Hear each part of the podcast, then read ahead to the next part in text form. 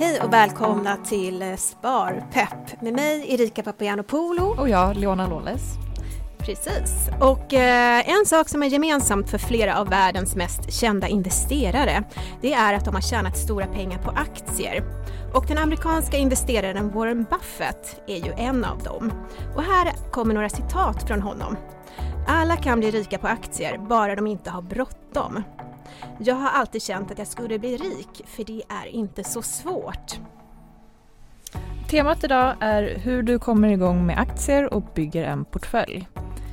Hej Anna Pettersson och eh, Marcus Karlberg som jobbar som spar och investeringsspecialister här i Nordea.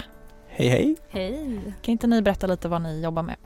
Ja, jag har ju varit med i eh, podden tidigare så det är jättekul att vara tillbaka. Men jag arbetar som eh, ja, spar och värdepappersspecialist på Nordeas värdepappersdesk. Vilket då innebär att vi arbetar med alla frågor som rör aktier och andra börshandlade produkter. Om det så är att lägga en order eller om det är att vara med i en nyemission eller bara allmänna frågor kring eh, marknaden. Vi svarar på frågor åt eh, egentligen vem av Nordeas kunder som helst. Ja, och jag heter Anna Pettersson, eh, jobbat i banken sedan 2015 och lite som Marcus beskriver så jobbar vi med alla börshandlade produkter här. Det känns som att ni är helt rätt att ha här i studion för att prata om aktier. Yes. Mm, välkomna! Tack så jättemycket! Ja men först då, kan ni eh, beskriva vad en aktie är för någonting?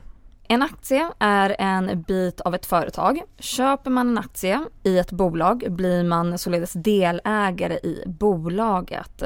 Och som delägare eller aktieägare har man rätt till aktieutdelning.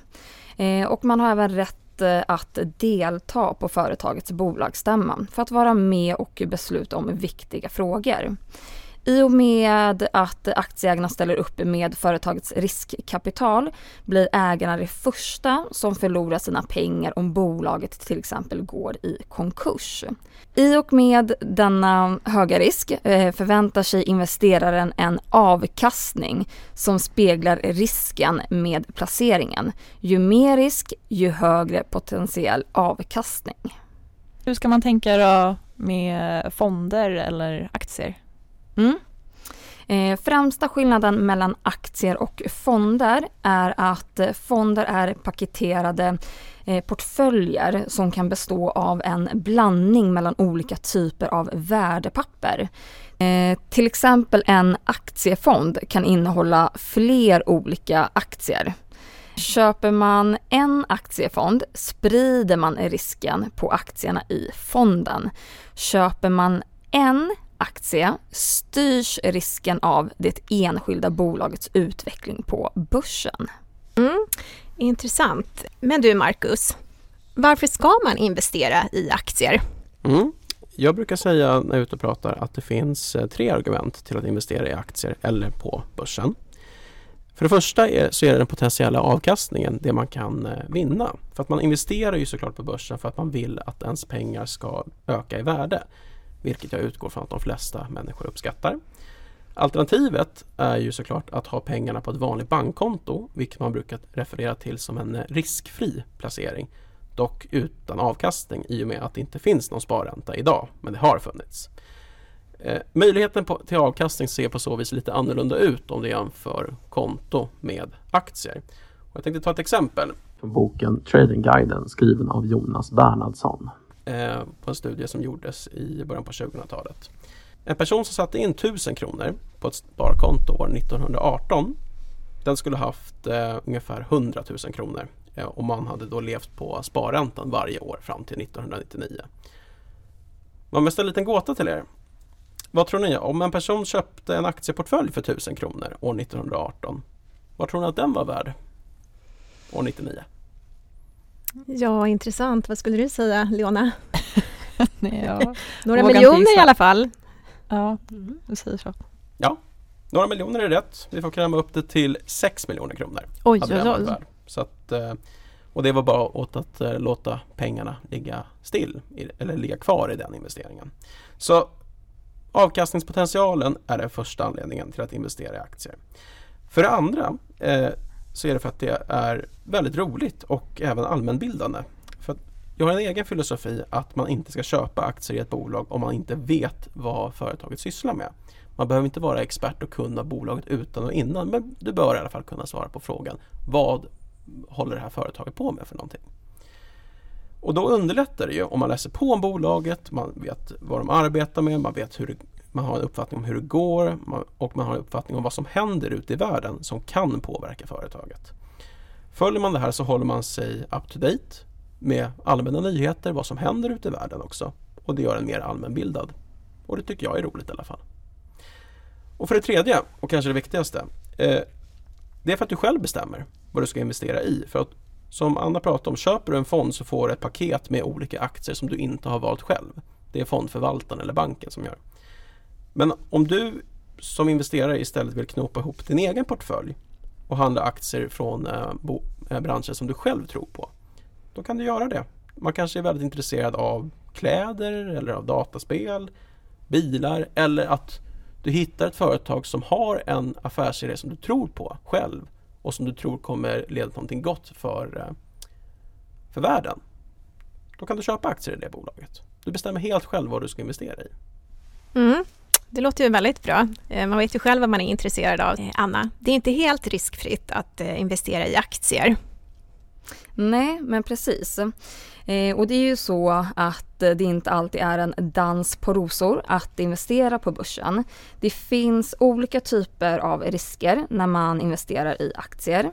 En av dessa är bolagsspecifik risk, det vill säga högre risk att investera i ett eller ett fåtal bolag än ett flertal bolag. Investerar man alla sina pengar i ett företag styrs avkastningen enbart av det bolaget. Och om det bolaget skulle gå i konkurs så är det alla ens pengar eh, som går förlorade. Men om man istället köper flera olika aktier så sprider man marknadsrisken mellan dessa.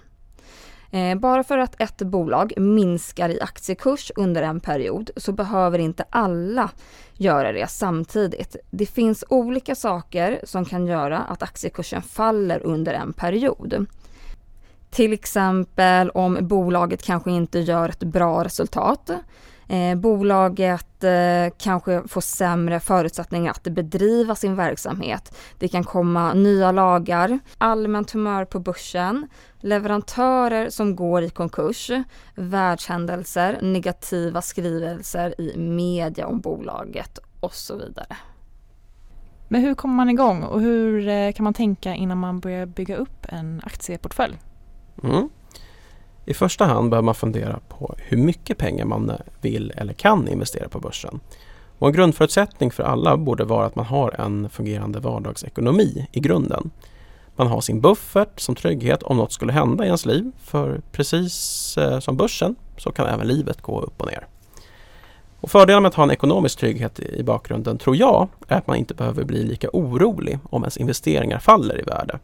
Pengarna man sätter av för att investera på börsen bör vara pengar som man inte kommer använda eller behöver använda eh, på längre sikt och här pratar vi om flera år.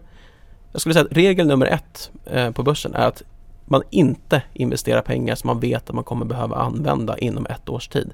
Du ska inte investera pengar du inte har råd att förlora eller minska i värde. Och det är inte heller det smartaste att investera alla ens pengar man äger på börsen även om man inte har något särskilt behov för dem för att livet kräver ju en viss typ av eh, balans. Men ponera då att man har bestämt sig för okej, okay, jag har så här mycket pengar som jag kan investera, jag har en trygg vardagsekonomi i, gru i grunden, jättebra. Eh, då bör man öppna ett konto man, där man kan spara i aktier. Och det finns tre olika typer av konton som heter depå, investeringssparkonto eller kapitalförsäkring. Det första man borde göra här är att se över vilket alternativ som passar en själv bäst och här är den främsta skillnaden mellan kontona är hur man beskattas när man gör vinst eller under tiden som man investerar i kontot. Och en väldigt vanlig fråga som jag får i mitt jobb från kunder är Ja men vilket konto är bäst? Vad rekommenderar du? Och det finns inget rakt svar på den frågan. För det beror helt och hållet på vilken strategi man har till exempel. eh, också hur ofta man gör förändringar i sitt sparande och även hur ens investeringar går över tid, vilket är svårt att veta på förhand. Och på toppen av det hela så beror det också på vad man själv tycker är viktigt och rimligt utifrån hur man beskattas eller hur kontona fungerar. Och det blir mer en subjektiv fråga.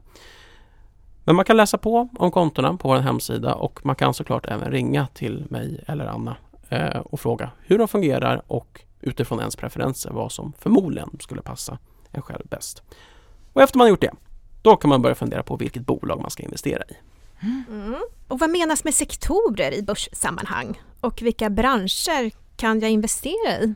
Mm. Bolagen på börsen, börsen är ju själva handelsplatsen där alla bolagen finns. Och alla bolag är ju inte lika varandra utan de är uppdelade i olika branscher eller sektorer. Olika bolag beter sig olika på börsen. Till exempel ett företag som säljer kläder eh, beter sig inte på samma sätt som ett företag som eh, tillverkar läkemedel. De påverkas även av olika faktorer. Men om vi ska ta den klassiska uppdelningen jag förväntar mig inte att någon ska memorera det här. Den kan man även se om man är inloggad på Noreas internetbank. Då finns det en lista på alla sektorer där. Så jag kan referera till den. Men uppdelningen, det är industriföretag, det är dagligvaruföretag, sällanköpsvaror, finans och fastighetsföretag, IT-företag, telekomföretag, energiföretag, material eller råvaruföretag och hälsovård eller läkemedel. Det är den klassiska branschindelningen som man gör för att särskilja bolagen från varandra. Och de här företagen som finns i de här olika branscherna, de kan bete sig lite olika. Lite grann beroende på till exempel vad det är för marknadsläge. Befinner vi oss just nu i hög eller lågkonjunktur eller är vi på väg in med en sådan? Det kan bero på olika typer av makrodata, ändrad, eh, ändrade räntor i Sverige eller ute i världen, eh, siffror om BNP eller arbetslöshet, priser på råvaror eller olika typer av världshändelser. Det finns massa saker som kan styra eller påverka ett bolags aktiepris. Det kan i teorin också bero på bolagets geografiska exponering, det vill säga finns bolaget bara i Sverige? Finns det i Norden? Finns det över hela världen? Det kan bero på politiska utspel, eh, olika typer av naturkatastrofer och ändringar i lagar som Anna pratade om tidigare. Olika bolag beter sig lite olika beroende på vad som händer. Mm. Eh, jag tänker att eh, det är alltid bra med ett exempel. Har du något sånt Marcus? Ja, jag tänkte vara lite tydligare så att man förstår vad jag menar. Så jag har valt ut tre eh, sektorer som är ganska typiska för den svenska marknaden. Som vi alla kanske har lite koppling till. Nu ska jag bara påpeka att det här är väldigt förenklat och att man ska inte se det här som någon rekommendation eller total sanning. Men om vi börjar med att titta på industrisektorn som är ganska typisk för Sverige. Det kan vara företag som säljer och tillverkar lastbilar, borrar eller robotar. De här företagen kännetecknas av att de har höga fasta kostnader i sin verksamhet. Om det går bra för företaget så blir de här höga fasta kostnaderna ganska låga i förhållande till vad man tjänar. Men om det går dåligt så blir de här fasta kostnaderna mer påtagliga relativt då det man tjänar. Eh, den allmänna efterfrågan på, på de här produkterna styrs, eh, styrs också av den allmänna eh, konjunkturen. För att i dåliga tider då kanske man inte investerar i en ny lastbil eller en ny borr eller industrirobot. Så man kallar de här företagen för cykliska bolag i och med att de svänger med den allmänna konjunkturen i och med att efterfrågan ändras i och med konjunkturen på de här produkterna. Det var den första. Ett annat exempel är dagligvaror.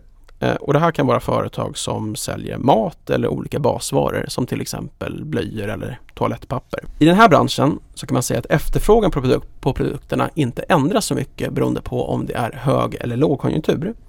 För att i en lågkonjunktur då kanske man säljer av sin bil, man kanske säljer av sin båt men man slutar inte handla mat och man slutar inte handla till exempel blöjor eller toalettpapper. Så i och med att efterfrågan är mer stabil så är uppsidan för de här företagen, alltså potentiella avkastningen, inte lika stor som till exempel för industriföretag. Men man får en mer begränsad nedsida. Det vill säga det är inte samma typ av risk i teorin i och med att efterfrågan är mer stabil. Då, därför kallar man de här bolagen för defensiva bolag eller ocykliska företag till skillnad från industriföretag. Jag hoppas det går att förstå. Absolut, Mm. det var jättebra. Ja. Ett tredje exempel eh, som också är ganska typiskt för Sverige det är material eller råvaruföretag. Och det kan vara företag som eh, tar fram och säljer koppar, stål eller arbetar med att förvalta skog och tillverka virke eller papper till exempel. De här företagens produkter de säljs över hela världen och alla länder har olika typer av naturtillgångar. Men efterfrågan på de här produkterna de behöver inte enbart styras av eh, den allmänna konjunkturen. För det finns andra faktorer som till exempel valutakurser, råvarupriser, räntor eller hur man värderar tillgångarna. Och det gör ju hela lite svårare som om man ska analysera hur, vad kan man förvänta sig för framtiden. Det kan, vara, det kan gå väldigt fort i svängarna. Men i och med att det finns så pass mycket rörlighet i de här aktierna så finns det alltid en potentiell uppsida. Men det finns alltid en nedsida. Men det kan vara en intressant krydda i ens portfölj. Så det är tre olika branscher, lite mer hands-on om man säger så. Bra förklarat, Marcus. Men du, Anna, när man då sitter där och funderar på vilka branscher man ska investera i eh, så tänker man väl kanske en hel del. Men varför är det smart att investera i olika branscher? Mm. Eh, lite det som Marcus var inne på här om de olika branscherna. Eh, så är ju anledningen till att man investerar i olika branscher att man vill sprida ut marknadsrisken som vi talade om tidigare. Man kan minska risken genom att köpa fler olika bolag i fler olika branscher. På så vis har man både hängslen och livrem beroende på vad som sker ute på marknaden. På samma sätt som olika bolag kan falla olika mycket beroende på vad som sker så kan olika bolag från olika branscher återhämta sig olika snabbt efter ett fall. Men eh, hur många bolag skulle ni säga är lagom att investera i? Ja, vad som är lagom är kanske svårt att säga men man kan alltid referera till eh, forskningen. För inom forskning säger man att om man har köpt 15 olika företag i olika branscher då har man uppnått en bra riskspridning. Men det finns en allmänt vedertagen syn eller rekommendation att man lämpligen bör investera någonstans mellan 10 till 15 företag. För om man har så pass många företag eh, och ett av de här bolagens aktiekurs skulle falla då påverkar inte det totalportföljen så himla mycket. Sen kan man absolut investera i mer än 15 företag men själva riskspridningen blir inte så himla mycket bättre. Det beror helt och hållet på vad, hur många man är intresserad av att ha men 10 till 15 är någon form av allmänt vedertagen syn på saken. Och när man funderar på vilka bolag man ska investera i, hur vet man vad som är ett bra bolag? Mm. Det är en ganska intressant fråga. Ett bra bolag, det skulle vara ett bolag med en bra affärsidé som genererar vinst idag och fortsätter generera vinster i framtiden. Sen är ju det själva utmaningen med att investera på börsen, att hitta de här bolagen vid rätt tillfälle. Eh, man måste på så vis uppskatta hur företagets marknadsutveckling ser ut, hur konkurrensen ser ut för företaget, om bolaget har möjlighet att fortsätta växa eller om den kan behålla sin position på marknaden eller hitta nya vägar på marknaden. Och det är ju då ett sätt att göra en analys på, att titta på det en, enskilda bolagets förutsättningar. Och det där med analys, det kan man ju verkligen grotta ner sig i, men det får ni nog återkomma om i ett annat avsnitt. Och man kan ju även lyssna på tidigare avsnitt där du, där du medverkade, Marcus. Där pratade ni mer om just det här analys av olika bolag, eller hur? Ja, precis. Då var vi lite mer inne på det, eh, det, de finansiella nyckeltalen, vad saker och ting betyder och hur man kan tyda dem. Det finns ju väldigt många olika sätt att göra analys på. Men i grund och botten så får man såklart titta på bolaget men som sagt det finns flera olika sätt att eh, uppskatta bolagets framtid. Mm. Eh, ni nämnde ju det tidigare att det här är ett sätt att eh, bli mer allmänbildad och eh, det är viktigt att hålla sig uppdaterad och påläst. Men har ni några tips på hur man gör det? Hur håller ni er uppdaterade? Mm. Eh, det är ju superbra till exempel att man läser på bolagets hemsida, att man kollar de här löpande kvartalsrapporterna eller till och med läser årsredovisningen. Eh, som kund i Nordea kan man idag ta del av de analyser vi lägger ut i vår plattform på enskilda bolag.